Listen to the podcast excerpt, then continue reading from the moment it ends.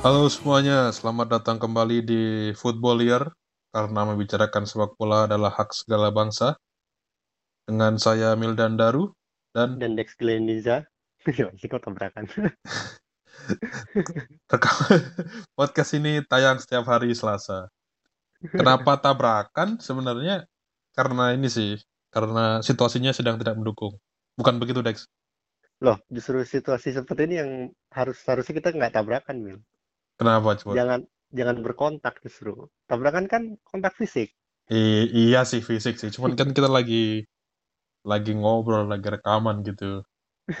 Jadi buat teman-teman yang dengerin ini, eh, kita saat ini tuh sedang tidak dalam satu ruangan yang sama. bahkan di kota berbeda ya Iya ya, Eh, ada tempat berbeda lah.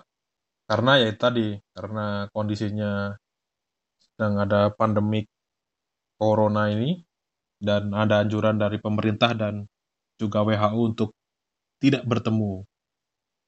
Begitu. makanya kita via telepon ini sekarang via telepon. Jadi kalau misalkan nanti Hmm. ada sedikit audio yang berbeda apa segala macam, ya mohon dimaklumi lah, iya harus harus dimaklumi harus dimaklumi. Tapi ya semoga tetap tetap bisa menyajikan apa yang biasa teman-teman ini sih apa namanya eh, harapkan ya dari yang sebelum-sebelumnya gitu. Semoga lah ya. tapi ini sebenarnya episode terakhir sih Sekaligus ini ya, sekaligus pengumuman Penutup. ya. Mm-mm. Terakhir apa nih? semua Terakhir apa nih? Sedih nih soalnya di kalau ngomong Sed- diomongin sedih sedih. sedih Sedih. sedih soal soalnya ya ini direncanakan sebagai episode terakhir episode Iya. keberapa nih 28 berarti 28 dan penutup dan dari 28 apa episode ini disiapin apa segala macam punya banyak pendengar jadi ya gimana Dex ya? Ya sedih sih. Sedih sih. cuman kesal juga. Karena? Karena sebenarnya ini April Mop ya, fuck fuck. Ya itu udah, udah biasa banget ya setiap Udah satu biasa. April kayak gitu ya. Iya, segala macam. gimmick-gimmick yang ini gak sih? Masih kepake gak pasti sih? lah Hmm. makanya tadi langsung aja udah di udah sampai sini aja ngibulnya jangan lama-lama Jangan lama. bisa sih nanti kita revealnya di akhir episode gitu Aha. tadi bercanda bukan episode terakhir cuman ah jangan lah jangan kelamaan lah karena orang pun harusnya udah tahu ya kalau ada lo ada aneh-aneh terus dia eh, di post setiap menjelang tanggal 1 April gitu ayo udah pasti Hmm. April Mop lah gitu ya gak sih iya bener dulu juga di Pandit juga sempet gitu Ingat Hmm. kalau tulisan yang anonim soal konspirasi markiplier itulah, gue Iya. lupa, gue yang nulis itu. dan tapi beberapa percaya sih tapi banyak yang juga yang langsung ya ini mah Nah, April ini Mop gitu. Hmm. ya emang kayak gitu. Tapi udah ada anti antinya tuh anti April Mopnya tuh Dex. Jadi Iya, beberapa tuh sengaja mengumumkan sesuatu atau pokoknya bikin kejutan hal-hal yang mengejutkan tanggal 1 April biar dikiranya itu adalah April Mop gitu hmm, padahal sebenarnya itu bukan April Mop ngerti nggak beneran. nah. eh, beneran gitu Iya, jadi orang kira oh ini mah April Mop ini mah April Mop padahal mah bukan gitu. Hmm, gitu. Cuman kalau ngomongin apa namanya di episode kali ini selain di April Mop, Des rencana sih ada dua segmen nih. Kle. ya ada dua segmen. Jadi yang pertama itu soal inilah kita karena di di sepak bola sendiri tuh April Mop tuh juga banyak yang dilakuin dan beberapa Banyak sih lucu-lucu sih. Hmm. Nanti akan kita inilah kan kita bahas lah ya bagian itu ya. Hmm. Bahkan di segmen satu lah. Dan di Hmm. segmen dua nanti eh, kita akan menjawab pertanyaan dari teman-teman semua yang kemarin udah nanya di Instagram. Hmm. Nah, ini juga kenapa kita sediain Q&A ini, soalnya seperti yang sudah kita bahas di episode sebelumnya, ketika nggak ada sepak bola, konten apa yang perlu di di blast gitu. Nah, Q&A, Ask Me Anything adalah sa- salah satunya, makanya ini kita lakukan ini. Mhm. Karena sekaligus ini sih Dex kayaknya Dex apa biar nggak ngulang-ngulang nggak sih? Jadi kayak beberapa pertanyaan tuh sama pertanyaan sama terus kalau kita jawab di replay atau di komen atau di DM di email pun lagi. ya nanti bakal ada yang nanya lagi gitu. Ya karena Bener, bener. se- sekalian dibikin bahan konten tapi karena pertanyaannya dari teman-teman tuh menarik semua gitu Dex. Benar benar benar Dan- banget Hmm, Dan pertanyaan oke lah gitu kok. Eh, ini sayang untuk di kalau di cuman dijawab dua arah gitu. Hmm. Cuman ada satu pertanyaan yang Ini tuh ditanyain sejak episode pertama sampai episode 28.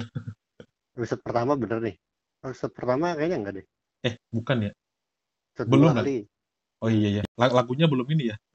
Hmm. Nah, itu soal opening. Nah, opening ya. Judulnya apa sih? Ya ini nanti dijawab juga lah ya. Tapi kalau episode pertama bisa dijawab sekarang sama gue sih. Apaan? Fratelli d'Italia. Oh iya. Lagu lagu tim lagu negara Italia. Tapi nanti itu kita satu. Kita kita jelasin lah ke- kenapa kita memilih lagu ini dan ini lagu apa gitu nanti. Nanti di Oke. akhir lah. Nanti di, di Di segmen akhir ya. 2 lah, segmen 2, segmen 2. Hmm. Kita akan bahas tadi segmen satu dulu lah, Dex. Soal Itu April Mop ya. April Mop gitu. April Mop itu bahasa Inggrisnya April Fool's Day sih. Kalau di Indonesia mungkin terkenal April Mop ya. Mhm.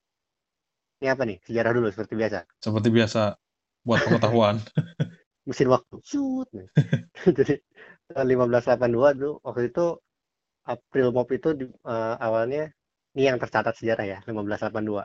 Waktu kalender mau diganti dari 10 jadi 12 bulan.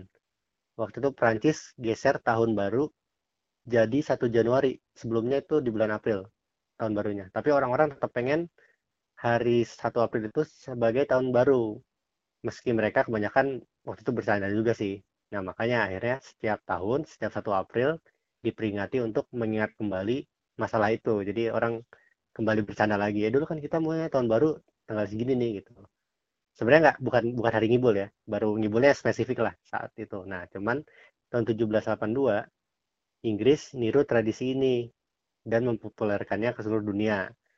Jadi secara umum tuh April Mop tuh hari di mana kita boleh berbohong atau ngasih lelucon kepada orang lain tanpa dianggap bersalah gitu Mil kira-kira Awalnya gitu. boleh ngibul eh, boleh ngibul gitu Dan itu konteksnya selalu bercanda dan akhirnya masuk ke pop culture tuh Dex, iya nggak sih?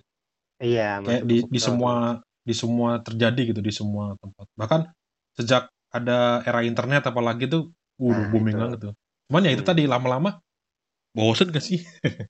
Iya, lama bosan. Sebenarnya dulu juga nggak gitu-gitu amat sih. Jadi dulu itu di Inggris, Australia dan Afsel kalau nggak salah ya di, di Afrika Selatan tuh main April Mopnya tuh cuman boleh sampai siang doang katanya. Nggak Hmm. bisa seharian. Cuman makin ke sini, makin ada internet ya udahlah sepanjang hari. Dulu bahkan di Indonesia mungkin nggak nggak mainan kayak gitu kali. Nah, dulu makanya waktu ada internet booming banget, sempat ya lumayan bagus lah kontennya. Cuman makin ke sini kan internet makin terus mengulanginya tiap tahun tiap tahun jadi orang mulai bosan juga kali soalnya generasi baru gue juga ngerti juga sih kalau generasi baru. Termasuk di sepak bola kan. Di sepak bola tuh banyak banget cerita-cerita April Mop gitu. banyak banyak banget Eh, nih apa aja tuh kira-kira ini sudah dikumpulkan ya. Nih ada cerita ini gue berdasarkan berutin berdasarkan tahun aja ya. Tahun 1988 tuh dulu media Rusia namanya Izvestia bilang kalau Maradona mau pindah ke Spartak Moskow itu tuh tahun 88 tuh abis yang dia gol tangan Tuhan tuh 86 kan itu kan nah itu jelas ngibul. Jadi maksudnya si media Rusia ini bilang ini sebenarnya April Mop katanya gitu. Tapi media AP Associated Associated Press nggak yakin Rusia tuh punya budaya dan selera humor April Mop makanya mereka bilang ini tuh berita bukan April Mop nih katanya. Akhirnya mereka bikin berita itu jadi rame gitu. Ini justru Padahal- kebalikannya. Heeh. jadi nggak mungkin lah Rusia bercandanya kayak gitu kayak gitu kata Ini mah ini mah asli bukan. April Mop gitu. Mm-mm. makanya dibikin konten beneran sama mereka Dan akhirnya rame. Hmm. Nah, terus di tahun 2000-an nih, di tahun 2002, Charlton Athletic tau nggak? Oke, nah, Nah, itu kan punya logo, lo logonya lo bisa googling sendiri lah. Jadi, waktu tahun 2002 dia ngumumin kalau mau ganti logo. Dia ngasih tiga pilihan nih. Logo yang mirip Fulham, itu rivalnya kan Fulham. Kan, itu merujuk kepada julukan Charlton kan, The Addicts kan. Itu istilah hedak yang berasal dari seorang penjual ikan lokal, Arthur Bryan, dan satu lagi logo burung. Itu merujuk pada julukan Charlton yang lain yaitu The Robins, burung Robin. Nah, orang suruh milih tuh. Nih, kita punya tiga logo baru nih, pilih. Hampir 300 orang ikut voting waktu itu untuk milih logo baru. Tapi banyak juga sih yang protes. Cuman pada akhirnya si Charlton sendiri bilang, enggak ini ngibul doang kok. Itu April Mop Charlton tahun 2002 waktu itu bilang kayak gitu. dan banyak yang percaya saat itu. banyak yang percaya. Nah, terus tahun 2003, nah ini juga lumayan kocak nih. Glasgow Rangers waktu itu bilang mereka akan beli penyerang Yunani namanya Yardis Alpolvo. Yardis Alpolvo ya. Dari Galatasaray. Media-media luar ngasih tahu memberitakan ini serius. Salah satunya ABC dari Australia. Padahal kalau lo lihat nama Yardis Alpolvo itu Y A R D I S A L P O L F O itu anagram dari April Fool's Day. Jadi ini pemain-pemain bohongan lah gitu. Tapi sempat rame, terutama yang tadi di ABC itu di Australia. Keren juga nih. Ini sekaligus kreatif juga sih dia jadi. Ah, Jadi nggak nggak sekedar namanya nggak sekedar ngeprank gitu, tapi dia mikirin gitu nih mikirin oh namanya siapa ya gitu. 2003 emang internet belum marak-marak banget ya. Kalau sekarang kan kalau ada berita kayak gini, gue googling ya siapa sih ini gitu. Iya ya Nggak ya, ada ya nama, saat itu kan informasi gini juga Galatasaray. meskipun meskipun udah banyak tele, udah disiarin live televisi segala macam, kayaknya masih banyak mem- masih mungkin deh ada pemain yang orang nggak kenal sudah berdatang itu kayaknya masih mungkin ya nggak sih tahun Bisa jadi 2003 tuh. sih. Nah, bisa jadi ya. Tahun 2003 tuh ya. Udah Hmm. lama tuh. Nah, terus tahun 2011 sempat ada cerita yang lumayan gede nih. Ini kalau di media-media luar nih banyak di berita nih. Cristiano Ronaldo mau dijual dari Portugal ke Spanyol. Jadi pindah warga negara gitu lah. Waktu itu latar belakangnya katanya negara Portugal punya banyak utang ke Spanyol. Padahal sebaliknya, Spanyol punya utang ke Portugal. Waktu itu diberitain sama The Independent bilang gini, Cristiano Ronaldo sudah setuju menjadi patriot dengan mau dijual ke negara tetangga Spanyol seharga 160 juta euro. The Independent sendiri bahkan dapat kutipan tuh dari Paulo Freire, profesor ekonomi politik di Lisbon University, bilang kalau langkah itu sama saja dengan menyerah kepada, tetangga mereka di Iberia. Sementara tawaran balasan dari Perdana Menteri Inggris David Cameron dicuekin. Jadi ini juga sempat rame juga nih, katanya mau dijual ke Spanyol Ronaldo karena utang negara. Dan itu di direspon oleh eh, pihak-pihak yang kelihatannya kompeten gitu kan. Profesor Iya. ekonomi lah sampai Iya, benar. angkat bicara apa segala macam gitu dan Hmm. Berarti itu bagian dari April Mop. Bobby Mob dan semua orang serius gitu di, dibahas sampai ke ekonomi, politik apa segala macam kan gitu. Hmm. Nah, berikutnya di tahun yang sama juga nih yang yang jadi cover kita nih, cover artwork. Kan Torres waktu itu udah tujuh laga nggak cetak gol ya, tahun 2011 nih. Waktu udah di Chelsea nih, baru pindah dia. Ma- Kan mahal tuh harganya. Nah, dia dia bilang kalau lo mau cetak gol, lo harus nyuruh kambing berak di gawang di Stamford Bridge untuk mengusir setan jahat yang selalu ngeblok tendangan lo ke arah gawang dia bilang gitu. Itu berita cerita ini sempat bersirkulasi lah katanya Torres benar-benar melakukannya banyak yang percaya juga tapi akhirnya diakui bahwa itu April Mop bohong-bohongan Nah, karena pas pas naiknya berita ini tuh emang ini nih kayaknya beneran deh, cuman dibungkus April Mop biar nggak malu, ngerti nggak? bisa jadi ya Ya, jadi kayak gitu. Orang tuh jadi spekulasinya kayak gitu. Jadi nganggapnya ini mah Torres beneran lah. Ini kayaknya dia apa melakukan ritual ini deh. Cuman dilakuin dipasin sama April Mop biar kalau dicengin nggak malu bisa gitu. eh, bisa ngeles juga. Konspirasinya gitu dulu kan gue masih ingat juga sih soal ini, soal berita ini. tapi secara umum berarti bisa gitu orang ya maksudnya kalau melakukan apa pun ya udah April Mop aja jadi kalau Kalau gagal aja. atau apa, Nah. jadi "Ah, ini mana April Mop ya? hmm, bener bener Itu ide juga. bener lo bener lo ng- ngelamar ngelamar orang bisa nggak sih Dex? oh bisa juga tuh kayak gitu Iya, jadi kalau ditolak. lalu ditolak gitu eh April Mop. Mop kalau beneran alhamdulillah Benar-benar setuju, setuju. Bisa dipakai sih ini sih. wah bener nih buat buat ide nih Oke, Lanjut lanjut dulu lanjut. ya. Oke. Nah ini masih dari Chelsea nih, tapi dua tahun berikutnya di tahun 2013. Waktu itu ada yang berita bilang kalau Roman Abramovich itu kan pemilik Chelsea, mau jadi pelatih kepala Chelsea. Jadi udahlah gue aja yang ngurusin tim katanya. Gitu. Ini, ini juga beritanya juga ramai banget waktu itu. Soalnya emang lagi kosong kalau nggak salah deh pelatihnya Chelsea waktu itu. Tapi akhirnya Mourinho sih yang ngisi lagi. Balik dia- lagi Mourinho. Kalau masih ingat nggak nih siapa yang eh, nembusin ini? Chelsea-nya atau dari media luar? Nggak ingat gue. Oh. Kayaknya dari media luar kayaknya. ya. Spekulasi. Mhm. Kenapa? Kenapa emang? Kenapa? Kenapa emang lo lo menganggap kayak gitu? Ya maksudnya gue gue belum pernah denger sih yang kalau yang Roman Abramovich ini sih kayaknya. Oh, Makanya ini. ah, gue kayak ini dari dari media atau dari ini gitu. Hmm, Lanjut lanjut. lanjut ya. tahun 2018 nih Opta pernah ngeluarin statistik expected yellow card. itu pemain nomor satunya itu Granit Xhaka. Jadi Xhaka katanya kemungkinan yellow cardnya paling gede. Padahal nggak ada itu statistik itu. April Mop doang. Dan itu kalau yang belum tahu tuh sebenarnya paling terkenal itu adalah expected goal kan sebenarnya. Uh -uh, expected goal. Itu juga banyak turunannya. Ada expected assist, ada expected uh, shot on target apa segala macam lah gitu. Nah ini Jadi- ada expected yellow card. Jadi kalau yang di awalnya kan ngitungnya kan berdasarkan hitung-hitungan berapa kali apa eh, tim ini nembak, habis itu berapa kali yang berhasil apa segala macam dan kemudian muncul eh, hasilnya di akhir kan berdasarkan rumus kan Mm-mm. gitu. Sebenarnya kalau ya- bisa sih. Sebenarnya bisa ya. Dari berapa, berapa jumlah pelanggaran dan berapa di kartunya kan harusnya gitu ya. Bisa. uh. Eh, cuman kan ini kayaknya Granit Saka doang sih. Hmm. Ngecengin dia nggak sih? Makanya Iya. ngeluarin ini. Eh, Nah, terus juga ada yang lucu lagi tahun masih di tahun yang sama ya. Itu Twitternya Man United mereka ngeluarin video greatest Premier League goals. Padahal isinya gol-gol aneh dan gol-gol jelek semua. Tapi beneran gol gol-golnya Man United gitu. Cuman bukan bukan great sebenarnya. Itu sempat diprotes juga. Serius nih gol terbaik kayak gini katanya. Nanti kalau yang ini Fansnya. kita post di inilah. Kalau nggak kena copyright, ya kena copyright nggak sih, Dex? nggak tahu deh. Kayaknya Nanti- doang nggak apa-apa deh. Iya di nanti di, di Twitter ya, di Twitter @footballerID ya. Hmm. Kal- Kalian Hmm. follow ya. Nah, ntar di post. Atau di Instagram nanti kita kasih juga lah kisi-kisinya kalau memungkinkan.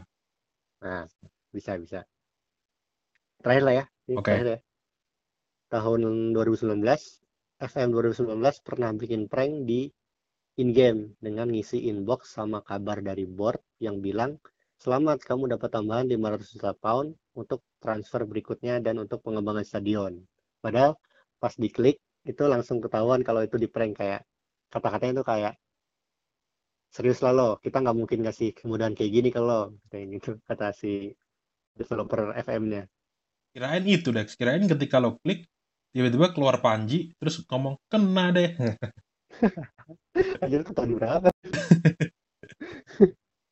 Ini kayaknya sebelum ada prank-prankan yang sekarang kan itu salah satu yang terkenal. iya ya, Panji kena deh. kena deh. Nah deh. Kayaknya segitu dulu ya yang bagian cerita-cerita dari April Mop.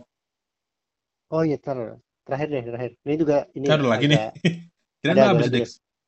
Ada lagi nih. Apaan? Ini ini lumayan lumayan lumayan banyak dibahas waktu itu 2015 tuh Orlando City kan lo tim MLS Aha, yang warnanya ungu itu.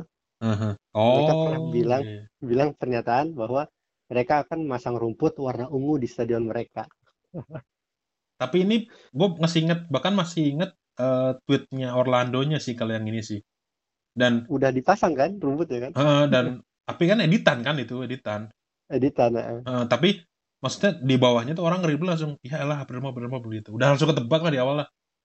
Ya. Untuk tebak ya. Hmm, Idenya terlalu ens, terlalu ini, terlalu ekstrim. Jadinya orang, ya, ekstrim aja. iya akhirnya, ah ini mah palsu, ini palsu gitu.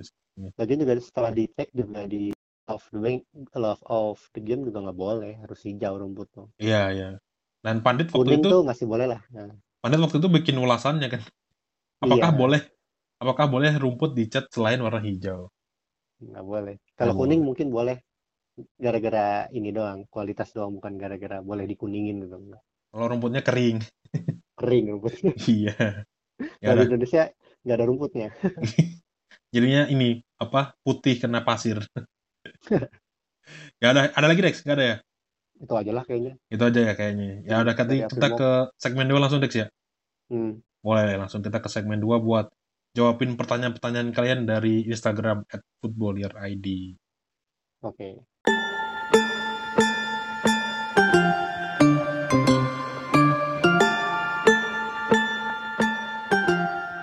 Halo, kembali lagi di segmen kedua, Footballier. Setelah tadi ngebahas April Mop, sekarang waktunya ngebahas Q&A email. Eh, pertanyaan teman-teman. Lumayan banyak juga ya yang ngirim pertanyaan.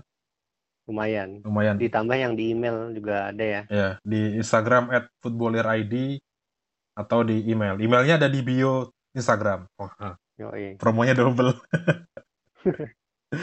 Ini yang email nih biasanya pertanyaan rahasia gitu ya. Jadi nggak pengen orang-orang tahu gitu. aha. Tapi ya, apa tidak ada disclaimer itu nanti kita bacakan aja lah.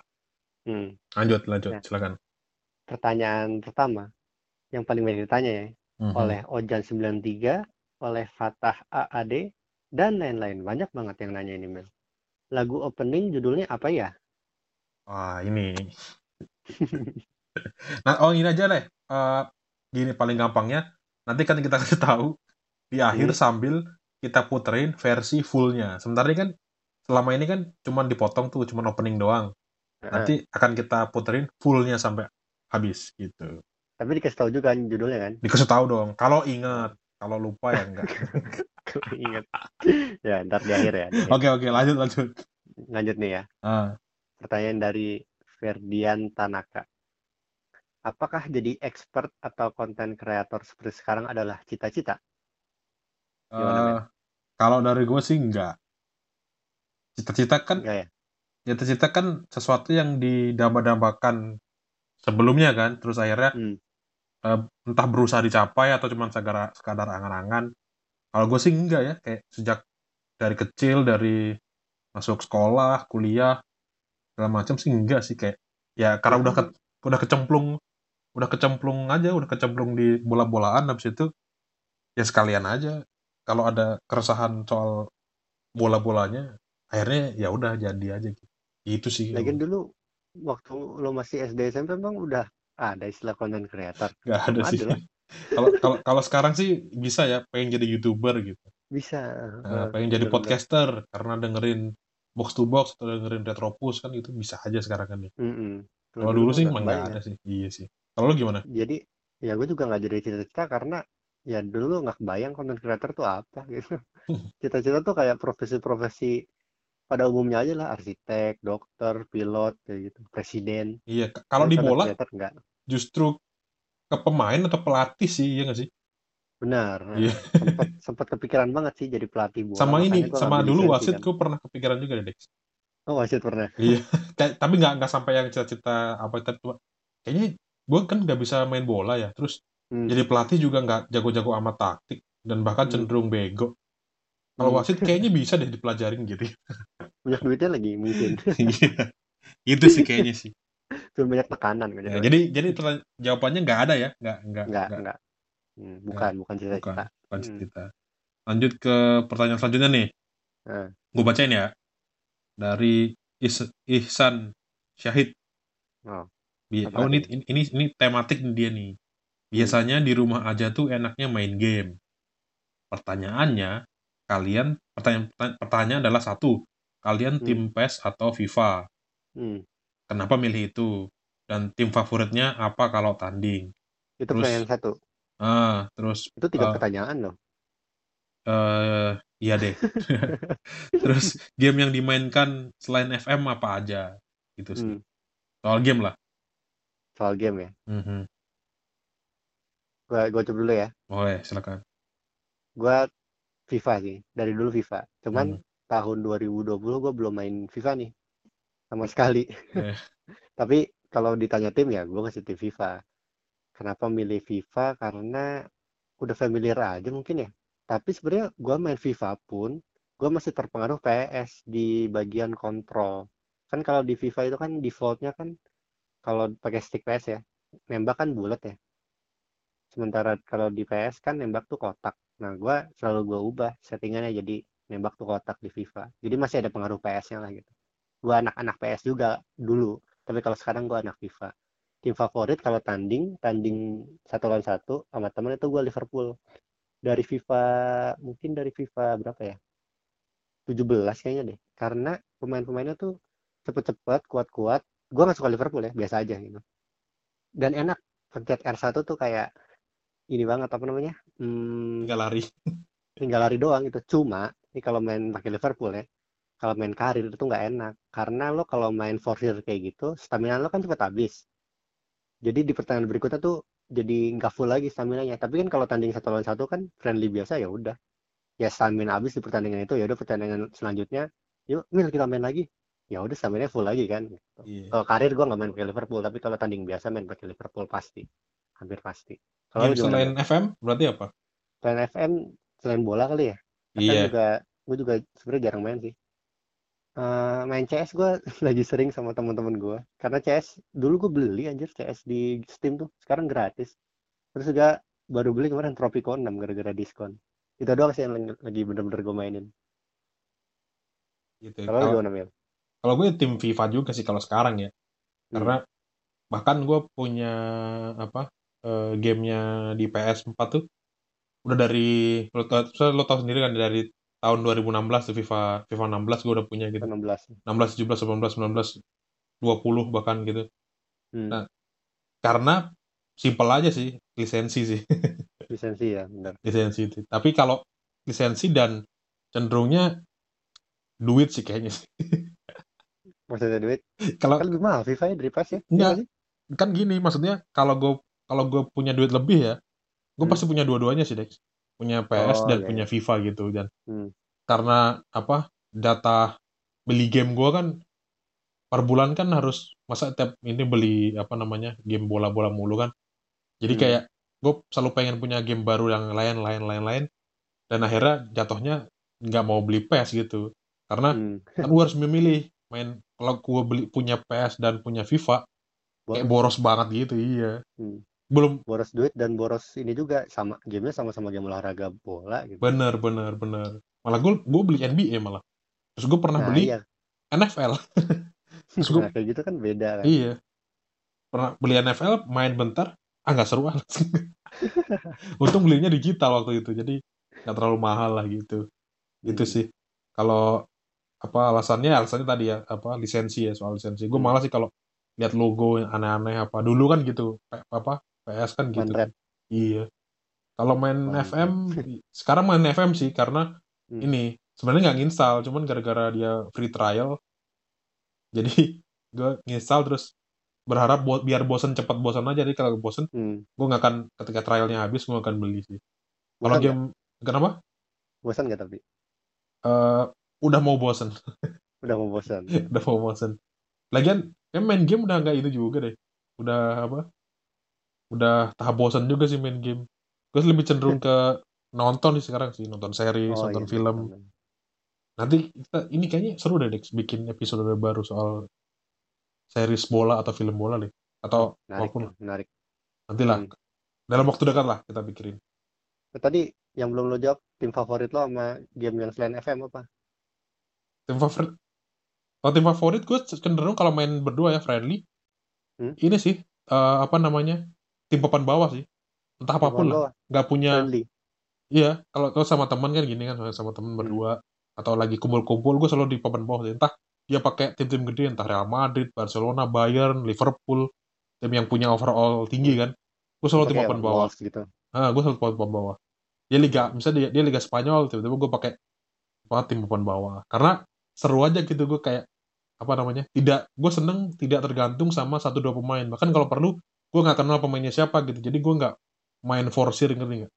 Iya benar-benar jadi kayak lo, tahu Mane salah tuh cep kenceng lo terobos mulu terobos mulu itu ngebosenin sih menurut gue sih. Gue lebih seneng build up build up build up terus akhirnya gol gitu. Jadi jangan sampai kenal bahkan justru gitu. Kalau di karir pun gue cenderung lebih seneng cari tim yang kostumnya dan logonya bagus aja gitu random nah, aja. iya. kalau main karet ya. Ya itu berpengaruh banget Nah, dan kostum tuh. Nah, kan karena nanti ujung-ujungnya kita jago juga kan meskipun levelnya mentok kanan pun ujung-ujungnya Hmm. kita kalau kita main serius pasti akan beli pemain bagus juga gitu karena Iya. kita udah tahu kita pasti menang promosi-promosi jadi Hmm. kalau langsung cari tim bagus ya, ya terus serunya apa gitu iya orangnya pakai tim jelek aja kita bosen lama-lama kan hmm. gitu sih kalau selain FM sekarang tadi nggak cenderung nggak main game lah kan? nggak main game ya iya cenderung nganggur nih si konsol PS nih lanjut lanjut lanjut lo Mil coba Mil ini Tanya dari oh ini dari teman kita nih Rere nih yang kemarin bintang tamu di episode ke-25 nih hmm. Eh, bos, oh ini manggilnya bos dia. Bos, bagi rekomendasi buku atau website buat bahan bacaan seputar dunia bola dong. Hehehe. Gitu katanya. Jadi kalau web nanya bos kalau nanya bos berarti dia kita bayar ya berarti ya Jadi dia nanya buku sama website. Website dulu deh, website. sama Website apa deh? kalau gua ya sekarang ya football website on the planet sih, The Athletic sih.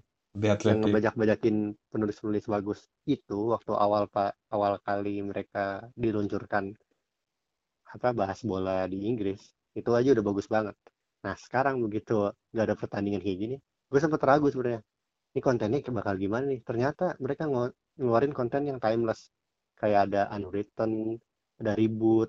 Jadi bagus, lebih bagus menurut gua konten-konten The Athletic di saat-saat kayak gini. Kalau dari website sih. gue itu. Hmm. Sama, juga sama sih, sama sih. Cuman buat info teman-teman, ini websitenya berbayar ya. berbayar. Eh, Heeh. jadi, tapi kalau kalian emang apa namanya eh, pengen cari asupan bacaan yang oke gitu, beda udah pasti beda lah, Hmm, beda banget ya. beda banget. Dan Bagus bahkan kayak dalam satu, misalkan dia ada hari ini tuh ngeluarin 10 tulisan baru seret. Kalian cuman baca nggak harus semua juga sih, kayak cuman baca tiga atau dua pun udah udah udah worth it lah gitu. Hmm, Menurut gue sih gitu. Bahkan baca satu satu hari satu artikel pun masih worth it gitu. iya. Gitu sih. Kalau buku buku buku Kalau buku gue punya buku jagoan nih, Football Against the Enemy. Oh, Itu Simon Cooper. Simon Cooper. Simon Cooper ya. Nah. Tapi itu kalau itu gue punya bukan Football Against the Enemy, Mil. Gue punya Soccer Against the Enemy, terbitan Amerika. Amerika. Ini buku tentang pengaruh sepak bola terhadap politik, budaya, dan antropologi, serta kenapa bola dimainkan beda-beda di tiap negara. Jadi lengkap banget lah. Misalnya nih ya, ada wawancara jenderal Argentina, dia ngasih pandangan unik tentang cara sepak bola harus dimainkan. Terus juga orang Berlin yang dipersekusi Stasi cuma karena mendukung kesebelasan lokalnya. Barcelona sebagai simbol kemerdekaan Catalunya. Terus juga lo tau nggak kesebelasan-kesebelasan yang namanya Dinamo, Dinamo Kiev, Dinamo Moskow, Dinamo Tbilisi, itu pasti punya hubungan dengan KGB. Rusia. Hmm. Nah itu itu dibahas semua di buku itu. Ini disebut buku sepak bola terbaik sejagat. Dia menginspirasi banyak buku bola generasi tahun 90-an lah ya. Waktu itu belum banyak buku bola. Sampai sekarang. Misalkan kayak buku bagus lagi nih. Bukunya Frankenfurt tahu kan lo? Oh iya, iya. Soccer Explained the World. Nah itu juga terinspirasi dari buku si Simon Cooper ini. Football Against Enemy. Karena Tapi memang gimana? ka- karena bu- dua buku ini kan sebenarnya eh, yang Football Against the Enemy itu kayak semacam emang buku wajib bacaan gitu nggak sih? Hmm, dan itu dia nggak bahas bola di lapangan, benar-benar di luar lapangannya lebih banyak. Dan itu Yang enaknya membuka kayak membuka pandangan kita gitu. Ketika kita udah baca ini, kita jadi lebih haus lagi untuk membaca lain, baca lain, baca lain. Gue sih gitu sih, benar, pengalaman membaca ini gitu sih. benar-benar banget kayak gitu. Terus gimana? So, hmm, Yang ya itu bukunya. Apa? Yang apa? jadi ya sebenarnya sama kita berdua sama lah. Satu ini kalau Sama, yang ini satu satu selera ya. satu selera lah ya. Jadi Hmm, eh, kalian kalau website baca The Athletic, kalau buku eh, Football Against the Enemy-nya Simon Cooper. Kalau kalian udah mm, pem- merupakan pembaca dua-duanya ya kalian udah nggak perlu rekomendasi sih kayaknya sih. Kalian udah hmm, tahu lah harus buka apa dan harus baca apa. benar, Iya nggak benar sih? Hmm, benar, benar. Kalau belum silakan baca. Itu sih. Silakan baca. Nah, Gitu. Lanjut Dex. lanjut. Ini dari The Near Post. Dia nanya gini, kalau mau ajak collab, kirim ke mana nih? Oh, oh, kolab kolaborasi. Kolaborasi. Mereka kayaknya baru ngeluarin podcast nggak sih? Nggak tahu gue. Seingat Iya, gue iya. Iya. Ini ah, kemarin The Near Post apa bukan ya? Aku lupa sih. Kemarin ada yang baru kayaknya gue belum sempat dengerin juga sih. Cuman ini buat semua aja sih kayaknya buat bukan cuman buat teman-teman dari The Near Post nih. Kayaknya kalau mau hmm, kolaborasi kirim email aja nggak sih? email ya. Iya. Jadi eh Isinya apa? isinya apa ya? Ya, nggak ada format khusus sih sebenarnya sih. Cuman ya misalnya kalau memang belum kenal ya apa perkenalan lah kalian siapa apa Kenalan. terus Nah, ya post apa podcastnya atau channel YouTube-nya barangkali atau apa pun lah.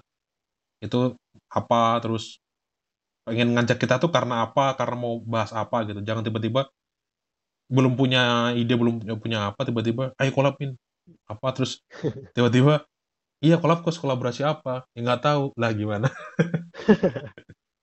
Berarti email ya.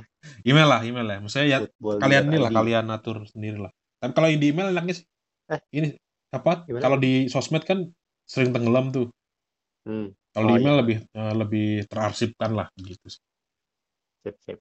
gimana gimana Ya, ya email juga sama. Tapi Near Post ini gue lihat kontennya bagus-bagus loh. Terutama di Instagram sih. ngepromo ini. Heeh. Nah, Instagram apalagi kita heeh, promoin ya. iya karya-karyanya oke lah, oke lah. Hmm. Kita juga pengen ketemu juga sih kalau ini terus nih. Ya siapa tahu emang bisa collab-nya nggak cuma podcast tapi juga hal-hal lain kan siapa tahu. Dulu waktu box to box live itu mereka datang sih. Tapi waktu itu gue belum ada, belum belum belum di box to box. Hmm. Dia di baju kalau salah. Oke. Oke. Ya udah kayak gitulah. Collab silakan. Kita terbuka kok dengan siapa pun dengan apa pun. Bahkan kalau bukan sepak bola pun kalau emang yang mau dibahas menarik ya ya udah gitu. Ajar aja. Kita juga pengen tahu juga pengetahuan juga iya nggak sih? Bisa bisa dimasuk-masukin Mhm. kok. Mau bahas Mhm. apa? Mie instan bisa.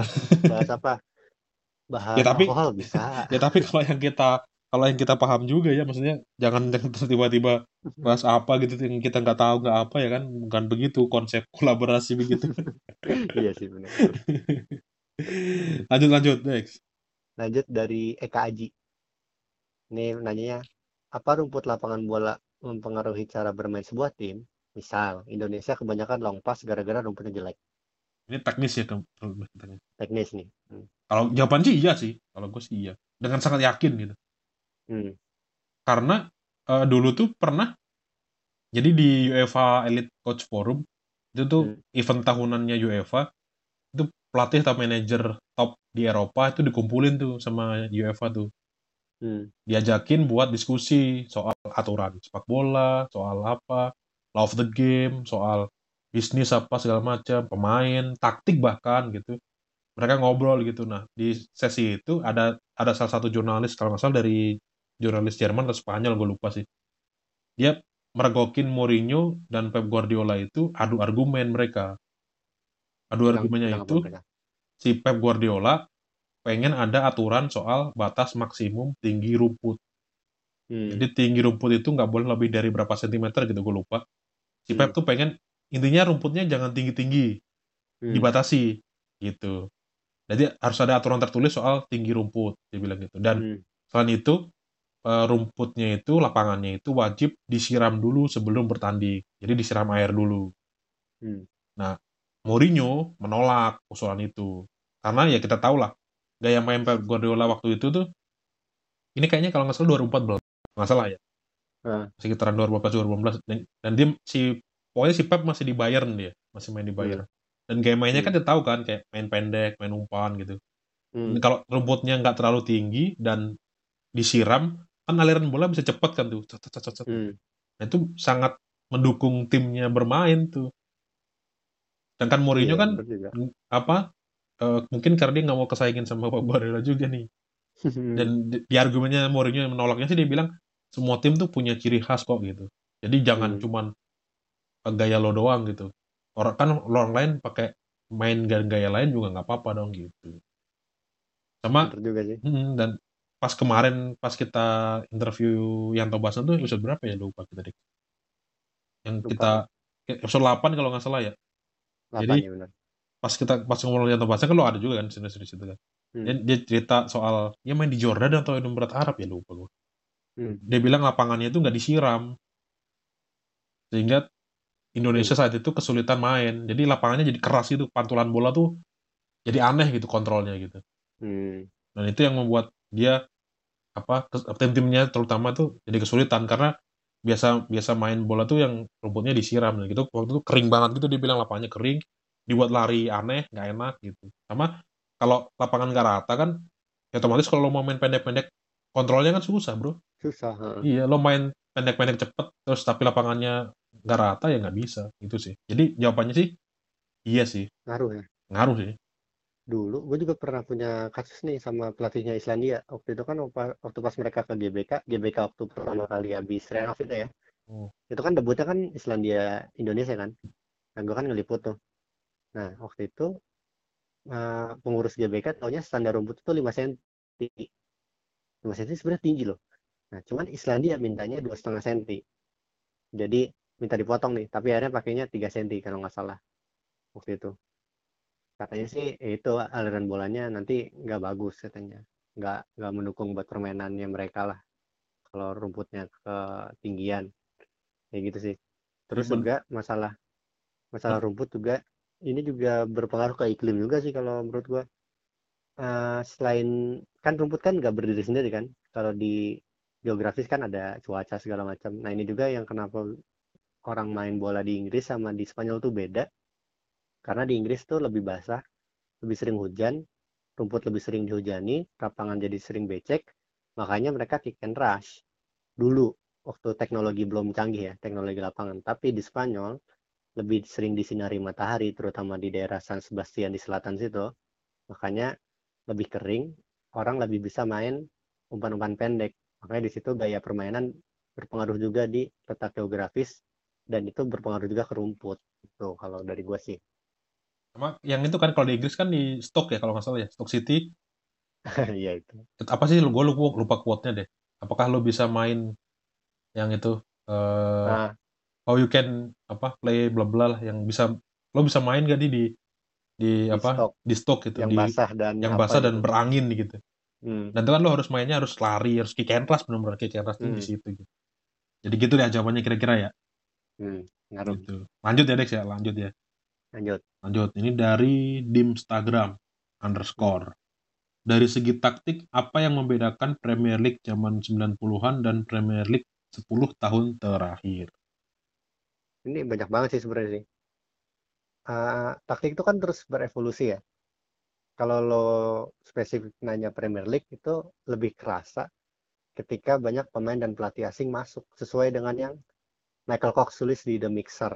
Jadi evolusi sepak bola di Inggris itu terjadi ketika waktu tahun 90-an tuh pelatih asing tuh masih minim, masih nggak ada bahkan. Pemain asing pun masih sedikit, tapi setelah banyak pemain dan pelatih asing masuk, evolusi taktik langsung terjadi. Di situ juga yang pada akhirnya mempengaruhi permainan tim nasional Inggris. Jadi liganya doang nih yang yang berevolusi cuman berpengaruh ke timnasnya juga. Jadi kalau ditanya yang bedain itu banyak banget dari 90-an sampai 10 tahun terakhir. Dan 10 tahun terakhir itu berarti 2010-an ya. Itu banyaknya banyak banget lah.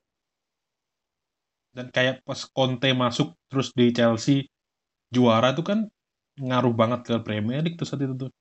Benar. Yang soal pembukaan tiga back. Orang-orang langsung bilang tiga back bangkit kembali, tiga back bangkit kembali gitu. Bahkan sampai Pep Guardiola pun pakai kan akhirnya waktu itu kan musim itu kan. Iya. Uh, dan semua orang ketika lawan Chelsea pakai mirrornya tuh. Hmm. Wenger juga pakai loh. Iya, ya maksudnya yang kolot.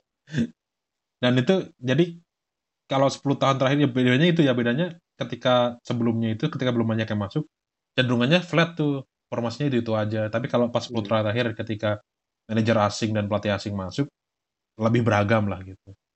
Yoi. Gitu. Lanjut deh. Lanjut dari Surobiu.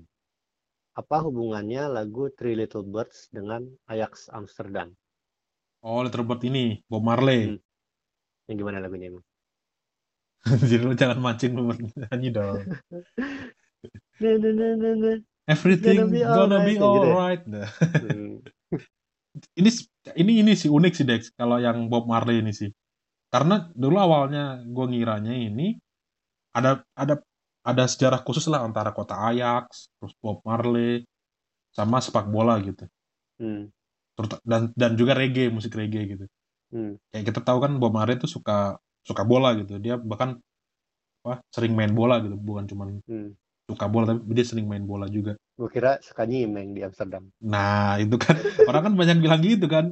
Dulu kan oh karena Bob Marley Amsterdam jadi dia mau dedikasikan apa bla. Ternyata ketika ditelusuri lagi hmm? tidak se, tidak se apa namanya tidak sedramatis itu kok sejarahnya gitu gimana ternyata gimana? ditemukannya itu tidak sengaja oh gitu jadi ketika tahun 2008 itu laga persahabatan pramusim lah pramusim hmm. itu antara Cardiff City lawan Ajax hmm. begitu kan biasa kalau diketahui uh, tim tamu uh, stay dulu apa supporter tamu stay dulu di stadion biar itu di kandang Cardiff ya? Di kandang Cardiff. Jadi biar si penonton Cardiffnya uh, keluar dulu, pulang dulu. Hmm. Si Ajaxnya, supporter Ajaxnya di stadion dulu. Itu biasa terjadi lah di Indonesia juga kayak gitu seringnya hmm. pengamanannya. Biar nggak bentrok di luar. Hmm. Kalau bentrok di luar takutnya terjadi apa-apa, keamanan lah faktor keamanan. Nah habis itu si petugas stadionnya itu ngasih hiburan gitu ke supporter Ajax. Hmm. Akhirnya di stylein hmm. lagunya Bob Marley di Little Bird itu Nah, Hmm. karena mereka ini terus nyanyi juga dan akhirnya eh, kayaknya enak deh dinyanyiin nyanyiin gitu. Terus direkam banyak orang terus viral terus orang akhirnya dinyanyiin lagi tuh waktu di kandangnya Ajax. Hmm. Mereka nyanyi lagi ya udah akhirnya jadi kayak theme songnya gitu theme songnya Ajax. Bahkan anaknya Bob Marley tuh Hah? masih sering tuh jadi dirijen di waktu Ajax main tuh Oh iya. buat nyanyi lagu ini iya di di di partai-partai penting yang terakhir musim lalu kalau nggak salah Liga Champions deh jadi sebelum main itu dia eh, mimpin supporter Ajax buat nyanyi lagu ini Hmm. gitu sih Ceritanya ternyata seperti itu. tidak Tapi- tidak seini sedermatis itulah Hmm. Nah, tapi soal musik juga, menurutku ada satu musik yang lebih apa ya, lebih powerful sih daripada Three Little Birds. Itu oh, Seven Nation Army-nya The White Stripes. Gimana tuh nyanyinya?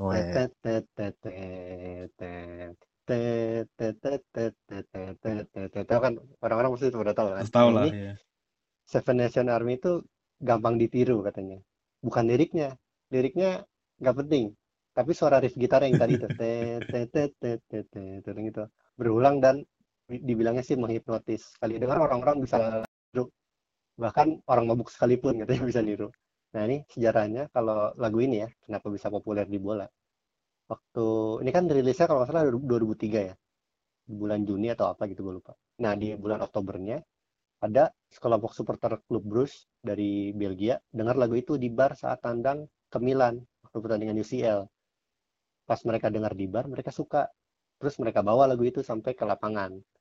Nah, lagunya nempel terus nih sama mereka. Dipakai jadi anthem di Stadion Bruges setiap timnya cetak gol. Nah, tiga tahun berikutnya, tahun 2006, Roma tandang ke Bruges, Piala UEFA. Roma menang 2-1 sih waktu itu. Nah, supporter Roma seneng sama lagu itu soalnya kan dinyanyiin tuh dinyanyiin sama supporter plus disetel tiap ada gol terus habis itu mereka bawalah ke Italia habis itu semua olahraga pakai lagu itu. Lagu Seven Nation Army itu. Dan akhirnya jadi cen-cen wajib gitu kan? Mm-mm. gitu. Itu lagu-lagu di sepak bola lah selain tadi Little Birds apakah akan bikin episode khusus soal lagu sepak bola? Hmm, sepertinya menarik. Dengan musisi. Lanjut lanjut. Lanjut ya ini dari Juwin underscore 18 kenapa sepak bola sulit dipisahkan dari politik khususnya di Indonesia dan terlebih di Liga 3 Gimana, Men? Oh, poli- polit ya emang bener sih susah dipisahkan emang bener. Karena bahkan sejak dari sejarah awalnya pun udah dari dulu sepak bola Indonesia tuh sama politik mulu. Udah gancet lah Hmm. udah nggak bisa dipisahin itu mah dua-duanya itu mah. Beneran nggak bisa dipisahin. Kayak di era Soekarno pun udah ada udah ada dualisme gitu waktu menjalankan Evo dulu gitu Hmm. terus habis itu waktu lu pernah baca juga yang sejarah yang PSSI sama PSIM itu Hmm. berseteru PSIM kan salah satu pendiri PSSI kan maksudnya salah satu Hmm. apa eh, klub-klub tua yang punya sejarah di sepak bola gitu Iya. itu pernah pernah se- berseteru juga tuh di tahun 30-an lah bahkan sebelum Indonesia merdeka gitu Hmm. mereka berseteru soal federasi baru gitu-gitu terus kalau di zaman modern tuh eh FF 2010 tuh ingat nggak lo yang ketua umum Golkar Abu Rizal Bakri bawa oh iya iya. bawa pemain timnas masuk ke apa rumahnya terus Hmm. diliput sama TV One apa gitu-gitu kan Hmm. memang terus ada iya terus ada dualisme PSSI KPSI ISL LPI Hmm. dan apa namanya modern lagi pembukuan PSSI 2015 gitu karena pas waktu itu kan PSSI nekat menjalankan liga padahal ada isu legalitas di Arema sama Persebaya Hmm. terus apa lagi ya Eh, ketua umum ini deh ketua umum PSSI dua periode belakangan lah Hmm. satu dari tentara satu dari polisi oh iya iya. dua-duanya kan ibaratnya ujuk-ujuk muncul dan kemudian dia nggak ikut debat nggak ikut apa terus tiba-tiba terus menang mutlak aja gitu itu kan tidak mungkin terjadi kalau tidak ada unsur politik di dalamnya kan gitu. ah. benar lo lo meng- menggayat voters pun juga bagian dari politik gitu Hmm. terus kayak apa tim-tim zaman dulu era persikatan apalagi waktu masih AP apa habis itu ke ISL era APBD itu tuh eh, kepala daerah tuh udah pemegang motor inilah pemegang kendali penuh gitu. Kayak Hmm. iya. Iya, iya, benar. Persik Kediri lo bisa juara dua kali tiba-tiba antah berantah. Kan karena wali kotanya gila bola gitu jadi kalau gue sih emang dari akarnya nggak bisa dipisahin mau gimana lagi gitu. Cuman ini doang sih apa namanya eh kan eh, yang diisuin orang-orang kan soal pencitraan Hmm. jadi menunggangi sepak bola Bola. untuk tujuan politik gitu Hmm. kayak kejadian terakhir tuh tahu kan kejadian apa Oh, tim dari seberang pulau. dari Sumatera itu ya. Nah, Hmm. yang tiba-tiba waktu gagal nyalon tiba-tiba timnya ditinggal kan gitu nah itu Hmm. nggak oke menurut, menurut gue ya silakan kalau lo pakai sepak bola sebagai kendaraan politik tapi pakailah dengan cara yang benar menurut gue sih gitu sih paling gampangnya lah Hmm. soalnya kalau dipisahin kan udah susah ya Iya, benar.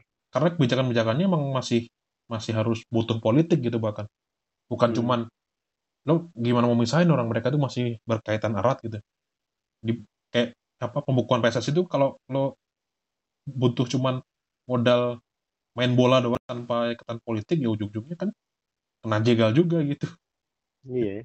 Ya. jadi kalau lo mau apa namanya eh, terjun ke politik dengan media bola apa dengan menunggangin bola ya menungganginya lah dengan cara yang benar gitu Hmm. bahkan kalau perlu terbuka aja deh jangan sih Dex kayak gue ini Ngaku aja ya. iya lo gue mau nyalon bupati atau wali kota Hmm. Nah, jadi saya salah satu kampanye saya adalah membuat tim ini menjadi promosi gitu. Hmm. Nah, tapi saya akan apa menyulap tim ini jadi bagus dengan cara yang benar, menata Hmm. manajemen, apa segala macam, memperbaiki infrastruktur gitu-gitu. Hmm. Nah, nanti ketika saya jadi ataupun nggak jadi, tim ini akan tetap sustain gitu dalam jangka panjang. tuh gitu. Gue nggak akan gitu banget. nah itu kalau kayak gitu kan ya udah monggo kan gitu dia malah kayaknya bakal dicoblos banyak orang dah ya nggak sih Iya ya. Ah itu ide ide ide Dex ide Bagus tuh, bagus tuh. Hmm, Nanti kalau- kita bahas di episode khusus ya, politik ya. lagi lagi episode khusus gitu tapi intinya gitulah susah, susah Iya. emang susah mau gimana lagi gitu dan Hmm, tapi yang bener, paling yang paling bener paling amannya ya lo ya udah tunggangin aja tapi tungganginlah dengan cara yang benar gitu Jadi, pengen jadi ketua umum PSSI buat nyalonin pilkada atau apa pun tapi pas waktu di PSSI-nya kerjalah dengan yang benar gitu sih Hmm. Setuju, setuju. Gitu. lanjut ya Dex ya Lanjut, lanjut. lanjut ini dari Falkenbach Bang lu setuju kagak kalau seumpama Liga Skotlandia gabung bareng Liga Inggris Eh, federasi bolanya sebenarnya beda. Satu federasi Skotlandia, satu federasi Inggris. Gue sih kalau setuju atau nggak setuju, secara umum sih seru kalau bagus kalau digabung ya. Cuman gue sih nggak setuju karena beda lah, beda beda ini juga, beda isinya juga.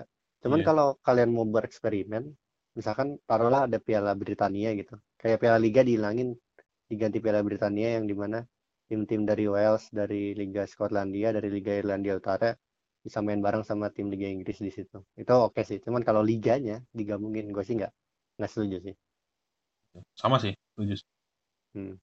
Karena ya udahlah nggak nggak nggak sem- semua semuanya yang itu tuh digabung jadi oke gitu kayak Liga Indonesia sama Timor Leste digabung kan ya nggak oke Leste, ya. juga gitu Liga. Malaysia sama Singapura digabung Brunei sama Malaysia kayak gitu gitu kan ya udahlah gitu biarin aja mereka berdiri sendiri Iya. gitu lanjut lanjut Lanjut. Nih, dari Reza di Nugraha. Sebenarnya pertanyaannya senada juga sama pertanyaan dari Mawandal. Untuk tim amatir, mana yang lebih better? Beli pemain dan pelatih yang bagus, lobby sana sini biar bisa naik kasta dengan sejarah yang ada, tapi kosnya sangat gede, atau beli lisensi tim liga di atasnya dengan kos yang gak segede, tapi dengan risiko kehilangan sejarah dan lain-lain. oh ini Bagaimana? ini soal beli Saudara Amar soal soal jual beli pemain ya eh Hmm. soal jual jual beli tim dan lisensi klub. lisensi klub Hmm. kalau gue sih ini sih kayak tujuan lo ya ibaratnya lo orang kaya lah anggap aja langsung kayak gitu ya Hmm. lo anggap aja si Riza Dinugraha dan Mawandal ini orang-orang kaya kalau kalian orang kaya nih terus kalian nanya ke gue misalkan gue mending kayak gimana gitu ya gue langsung, langsung nanya sih lo pengen ini langsung aja di Indonesia misalkan gitu lo Hmm. pengen uh, punya tim bola atau pengen invest di bola karena apa karena lo passion atau karena eh, lo mau bisnis gitu Hmm. kalau lo mau bisnis ya udah lo beli lisensi aja tim yang dijual di Liga 1 gitu tinggal tinggal beli langsung Hmm. main gitu gampang lah gitu Dan- Kayak Bali United. hmm kayak Bali United bisa apa langsung beli gitu-gitu langsung dapat. Hmm. Tapi ada resikonya gitu kalau karena kan kayak tim-tim Bali United terus misalkan Pusamania Borneo kan dia se seprestasi gede apa pun yang dilakukan dua klub itu kalau di segi kultur supporter itu ujung-ujungnya diarahinnya pasti tim siluman tim instan Hmm. tim siluman tim instan apalagi kalau bikin kesalahan dikit gitu orang berhasil aja masih dicengin gitu Hmm. Kayak Bali United jadi benchmark bisnis di Indonesia gitu. Itu aja masih dicengin kadang. Iya sih bisnis iya. sih sukses. Tapi kan lo tim instan gitu gitu. Hmm. nah itu kan kalau apa kalau siap dengan hal itu gitu. Kalau lo sebagai seorang Businessman. invest ya harusnya nggak masalah ya nggak sih? Peduli amat. peduli amat ya. Tapi kalau lo punya passion apa segala macam ya lo harus cari jalan yang lain sih. Kayak mungkin mendukung tim kota lo sendiri kemudian kan kalau lo passion kan beda ya misalnya lo kalah kan nggak harus menang kan iya nggak sih Hmm. Iya benar. Hmm, dan kalau menang nggak aja bonus gitu tapi ketika Hmm. sepak bola itu udah berjalan langsung jalan sih itu sih kalau menurut gue sih gitu sih Dek gimana Gue menurut lo juga gue juga sebenarnya tergantung perspektif juga. Tapi perspektif yang lo tawarkan tadi bagus sih emang. Ya Hmm. tergantung lo mau untung apa mau passion gitu. Kalau mau untung ya beli lisensi aja. Persis lah sama lah pokoknya. Secara umum. dan bahkan kalau ngomongin itu karena di di Indonesia waktu-waktu itu waktu kasusnya misalkan Bali United eh Pusamania gitu mereka secara aturan boleh kok sah dan mereka disahkan oleh federasi gitu Eh, Jadi, benar, sah. tidak ada aturan yang dilanggar kan gitu ibaratnya karena disahin kan masalahnya gitu nggak boleh tuh hmm. yang nggak boleh tuh satu orang punya banyak klub gitu nggak boleh. iya nah kayak siapa di Jerman punya klub. di Jerman ada ada RB Leipzig kan meskipun RB Leipzig Iya, apa datang dari divisi bawah ya cuman tetap aja dia udah sukses. Dicenginnya itu mulu tim instan tim instan. Padahal Dicengin bayangan itu. padahal itu tim papan bawah loh. Dia itu perintis tapi Iya, karena dia beli Hmm. eh, karena dia beli ujung-ujungnya gitu. Dicenginnya kayak instan instan instan gitu. Gitu sih. Hmm. lanjut ya Rex ya? Lanjut, lanjut. ini dari akun quotes bola Hmm. Gimana pendapat kalian soal Marcelo Bielsa yang bakal debut di Premier League musim 2020-2021? Bakal op- optimal atau justru flop? Emang bakal promosi deh. Perang liganya Kalau berjalan. dilanjutin promosi sih kayaknya. Iya. Butuh lima kemenangan lagi. Gimana, Leeds gimana? Ya Marcelo Bielsa. ya. Bielsa gimana Bielsa? lo? Jadi Bielsa itu dari dulu-dulu biasanya nggak tahan dua musim. Semusim doang. Nah ini musim keduanya di Leeds. Sepertinya sih katanya sih kalau promosi dia akan lanjut. Cuman kalau nggak promosi dia mau akan stop. Nah kalau gue lihat dari gelagat-gelagatnya Leeds, eh, pemain-pemainnya tuh udah cocok sama gaya mainnya. Yang jadi masalah adalah nanti di Premier League pem- kualitas pemainnya bagus apa enggak. Kalau gaya mainnya cocok. Tapi kan kualitas pemainnya kan bakal beda kan. Tapi secara umum ini bakal sangat menarik banget di Premier League. Marcelo Bielsa, kehadiran Marcelo Bielsa di Premier League ini. Gue sangat menunggu Kalau sih. optimal, Karena kalau ya optimal itu, sih kurang optimal pasti. Pasti kurang optimal. cuman Pemain bakal kalau dibanding sama, apa ya? Taruhlah West Ham gitu yang yang sekarang papan bawah. Itu masih kalah Leeds dari kualitas pemain per pemain ya. Cuman kalau kualitas taktik lo bisa jamin Leeds lebih bagus. dan bakal menarik kan Marcelo Bielsa kan suka aneh dia. Hmm. Entah kelakuan di pinggir lapangan, entah apa gitu. kalau di kalau model Mourinho kan dia menang media darling banget kan. Mourinho gue yakin Mourinho secara sadar dia tahu kalau gue itu akan diliput, gue akan di shoot kamera, gue harus kayak gini, gue harus kayak gini biar menarik. Tapi kalau Marcelo Bielsa tuh pure gitu menurut gue sih.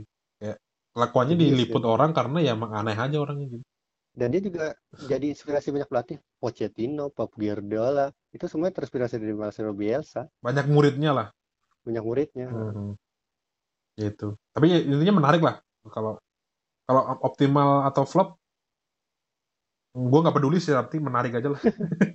Gak peduli. Tapi bakal menarik memang. Gitu. Hmm. Lanjut. Lanjut nih ya. Dari Chamber Rafli.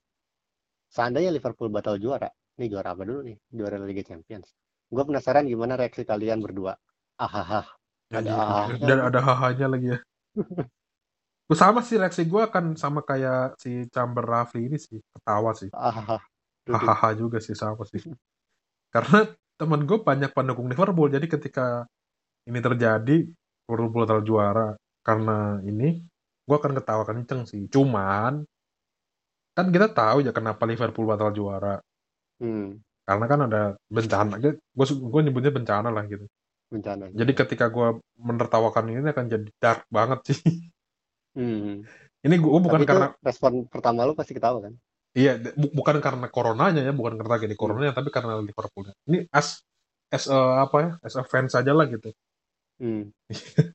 ya nggak sih Gue kalau juga gue juga ketawa juga sih kayak iya ya elah gitu. Cuman ya balik lagi ini gue sih nggak setuju ya kalau season ini di void gitu atau dianggap nggak ada.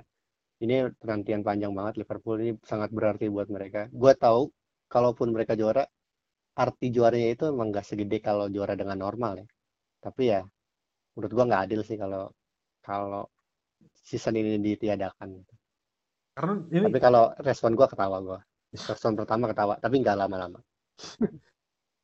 karena mau ketawa apa lanjut kenceng lagi inget tragedi juga kita sengsara Mm-mm. karena corona juga gitu nggak cuma Liverpool yang sengsara gitu seluruh seluruh dunia lagi sengsara gitu jadi kayak ya gitu ya udahlah gitu Iya.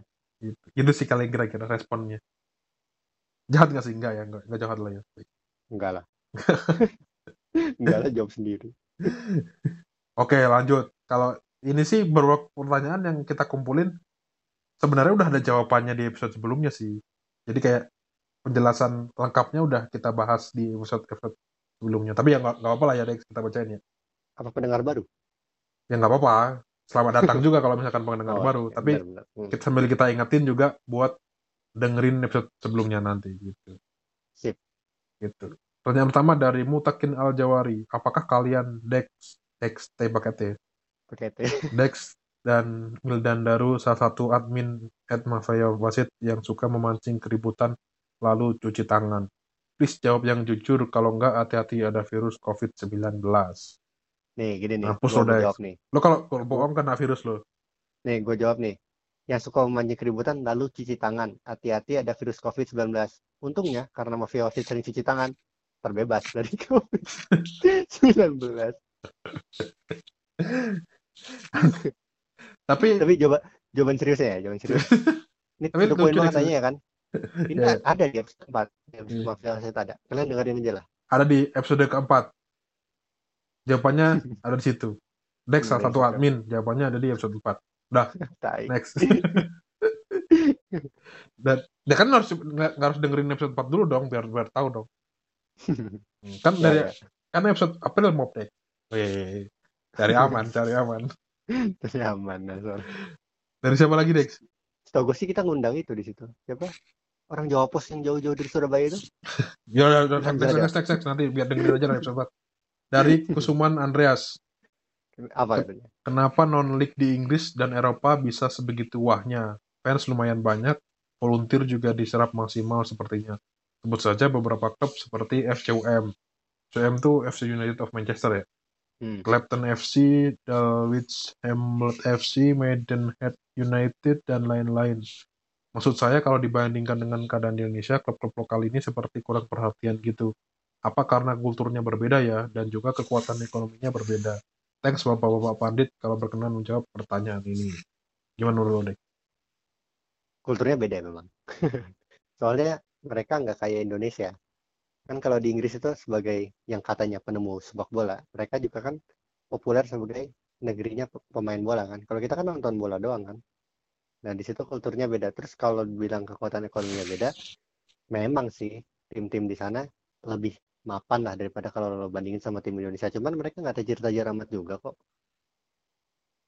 Dan tapi kalau soal ini, eh ya bener beda sih, emang beda. Kayak apa kul- kultur tadi tuh di sana tuh memungkinkan satu rumah itu ada empat anggota keluarga, bapak, ibu, dua anak.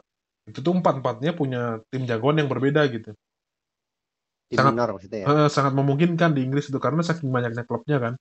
Hmm. Dan itu hal biasa aja kalau lo beda beda klub tuh biasa aja gitu. Satu kota tuh biasa aja.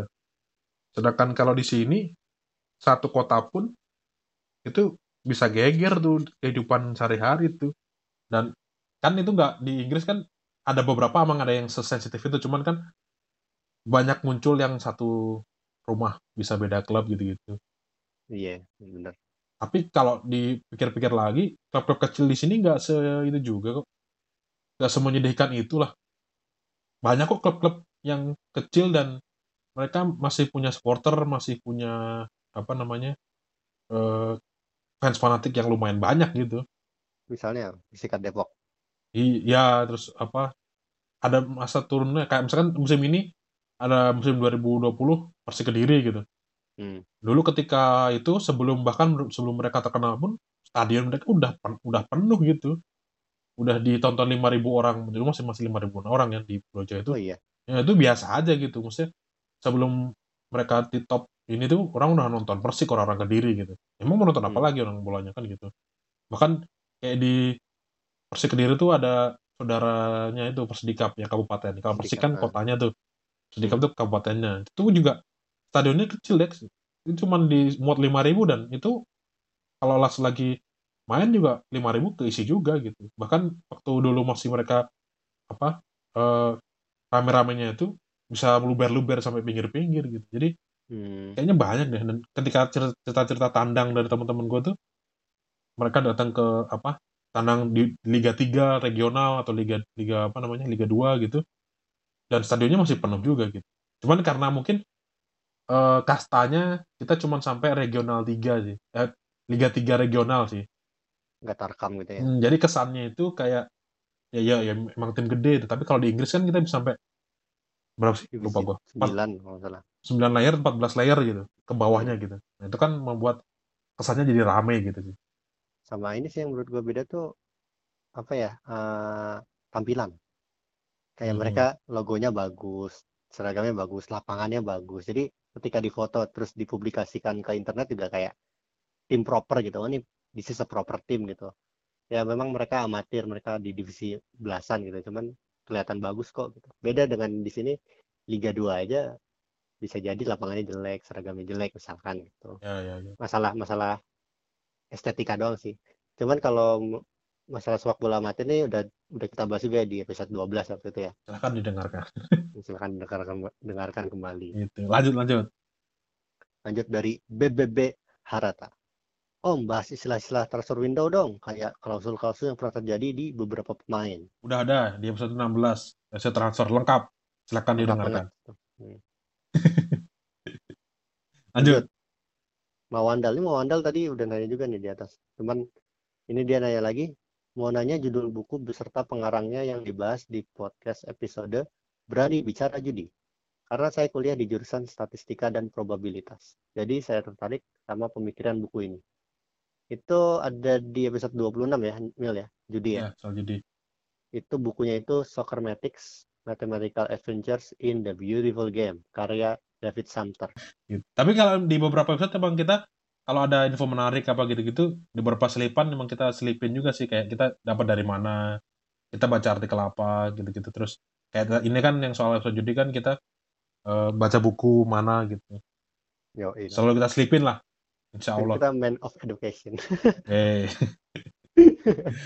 kayaknya sekian Adex ya ada yang lupa nggak Iya. sih kayaknya nggak ada yang lupa deh menurut gue Gak ya ada sih. nggak Gak ada ya yang lupa. emang ada yang lupa apa yang itu yang lupa Kan kalau kalau ini kan menjelang akhir kan closing kan. closing dong ada Masa lagunya dong lagi.